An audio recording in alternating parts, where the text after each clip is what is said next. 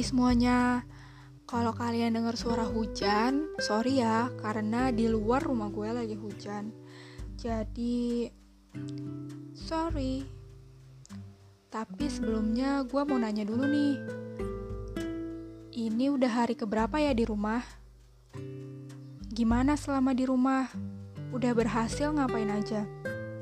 Udah nambah jago masak? Udah nyobain teknik rebahan sampai mana? Atau udah jadi ahli rebahan? Tinggal pilih deh tuh yang mana atau mungkin ada kegiatan lain.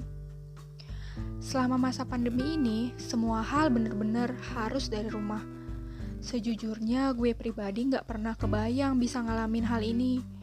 Kalau kalian kebayang nggak sih?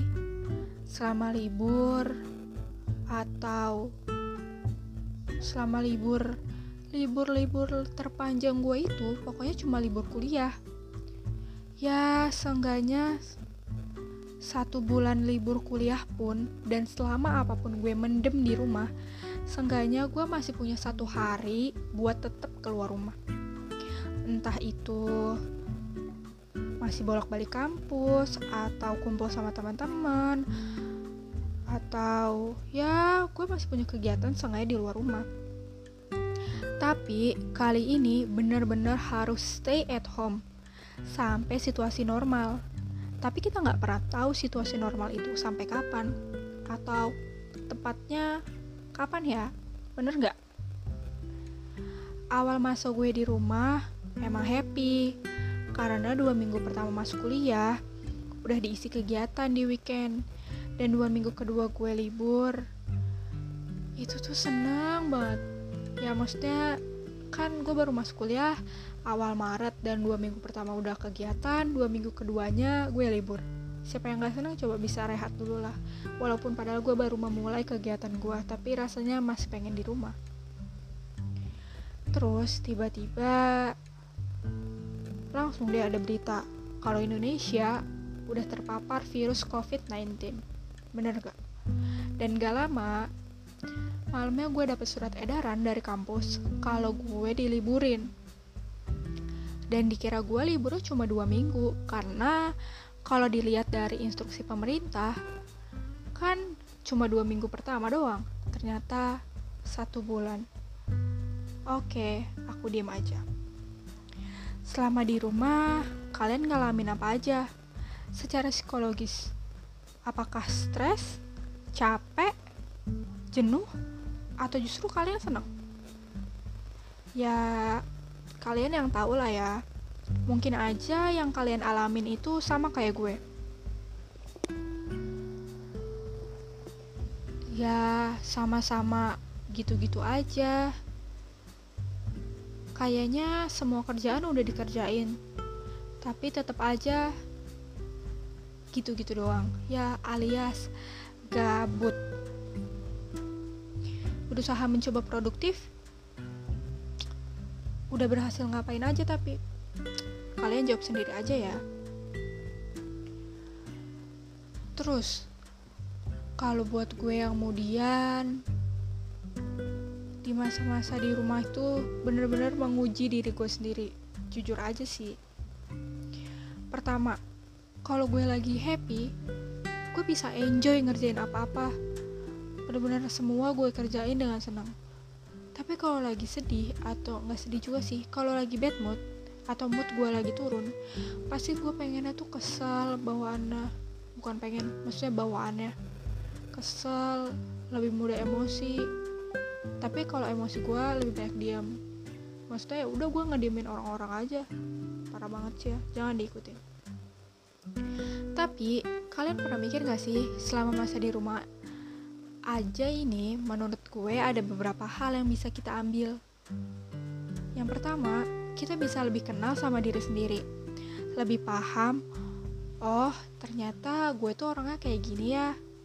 Belajar lebih sabar ngadepin orang rumah. Belajar juga ngerti situasi. Ya gak sih? Belajar ngalah sama keadaan. Ya gitu deh pokoknya selama di rumah banyak banget yang gue pikirin kayak Kenapa gue insecure? Kenapa gue mood swing banget? Kenapa gue jadi orang kok nggak enakan banget sih? Kenapa gue nggak pernah ngomong kalau gue lagi nggak baik-baik aja? Tapi nyangkal aja. Terus gue bilang, gue nggak apa-apa kok. Sering gak kalian kayak gitu? Atau kalian udah mikirin hal-hal kayak gitu sebelumnya? Tapi kalau kita lagi sibuk atau lagi banyak kegiatan, kita pasti nggak pernah sempat mikirin hal-hal kayak gitu. Bener nggak? Tapi kalau lagi kayak gini, benar-benar diem di rumah, jadi kepikiran aja gitu ya. Hmm, tapi kalau dipikir-pikir, itu yang bikin kita kenal sama diri kita sendiri jadi lebih paham harus bersikap kayak apa sama orang lain jadi lebih paham juga kalau kita lagi ada masalah solusi terbaik buat diri sendiri itu apa? Bener nggak? Kayak gue gue tuh orangnya insecure.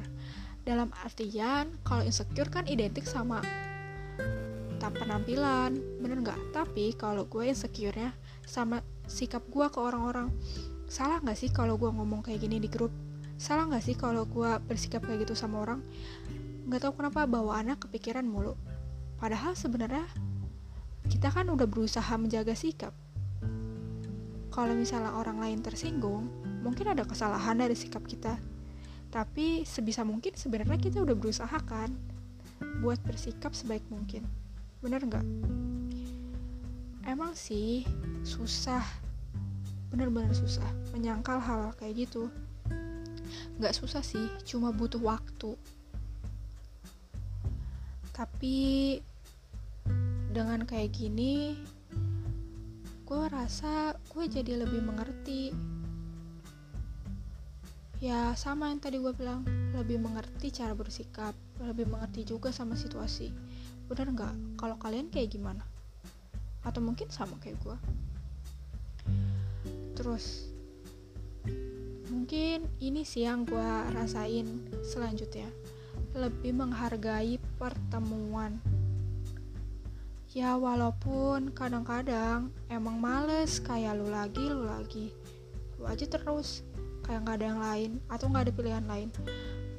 Kira lagi kayak gini rasanya kangen banget ya kumpul-kumpul bercanda-canda ketawa-tawa kangen suasana di sekolah di kampus di luaran ya gak sih tapi jujur aja sebenarnya gue itu orangnya males banget bersosialisasi. Ya kayak sekedar kenalan sama teman baru aja kalau gue nggak butuh gue males. Jangan ditiru. Jangan ditiru bener-bener jangan ditiru. Tapi padahal sebenarnya kita tuh butuh komunikasi butuh ngobrol butuh cerita butuh tatap muka langsung bukan sekedar chat atau telepon ya walaupun difasilitasi sama teknologi yang semakin maju kita bisa video call sama banyak orang kita bisa chatan sama banyak orang. Tapi tetap aja ya pertemuan jauh lebih menarik ya gak sih? Terus gimana nih buat kalian yang ngejalanin hubungan? Hubungan pertemanan hubungan percintaan? Apa kabar kira-kira jadi ngerasain LDR ya bener gak? ya buat kalian yang gak terbiasa LDR yang sering ketemu susah gak? atau justru kangen banget? ya wajar kok kalau kangen kangen sama pacar sendiri sih gak apa-apa tapi kalau kangen sama pacar orang ya bahaya bohong-bohong bercanda tapi gue akuin gue salut banget sama orang-orang yang LDR yang beda kota beda pulau beda negara. Keren banget. Mereka udah bisa tahan kayak gini. Salut-salut. Tapi yang LDR beda iman. Tetap aja jadi nom jadi nominasi paling jauh tingkat LDR paling susah. Bener gak walaupun sebenarnya mereka deket. Ah apaan sih? Udah stop stop gak usah didengerin tapi di masa kayak gini, support system itu paling penting. Harus bisa saling nguatin, dan terus bertahan, padahal udah kangen banget sama semua situasi normal. Tanpa ngerasa takut kalau ketemu orang. Sekarang ketemu orang aja takut bawa penyakit. Bener nggak? Tapi di masa apalagi di masa Ramadan kali ini, mungkin banyak teman-teman juga yang harus jauh dari keluarga saat ini, yang lagi rantau, yang rantaunya nggak cuma beda kota tapi beda pulau, beda negara sama keluarga. Hmm, tapi ya mau gimana pun harus tetap dijalanin ya. Walaupun harus ngerasain Ramadan sendiri, puasa sendiri sampai Idul Fitri nanti.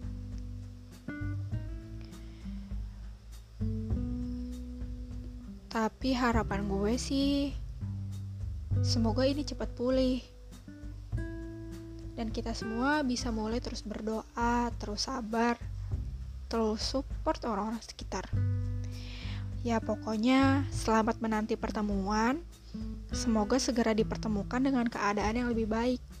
Semangat terus.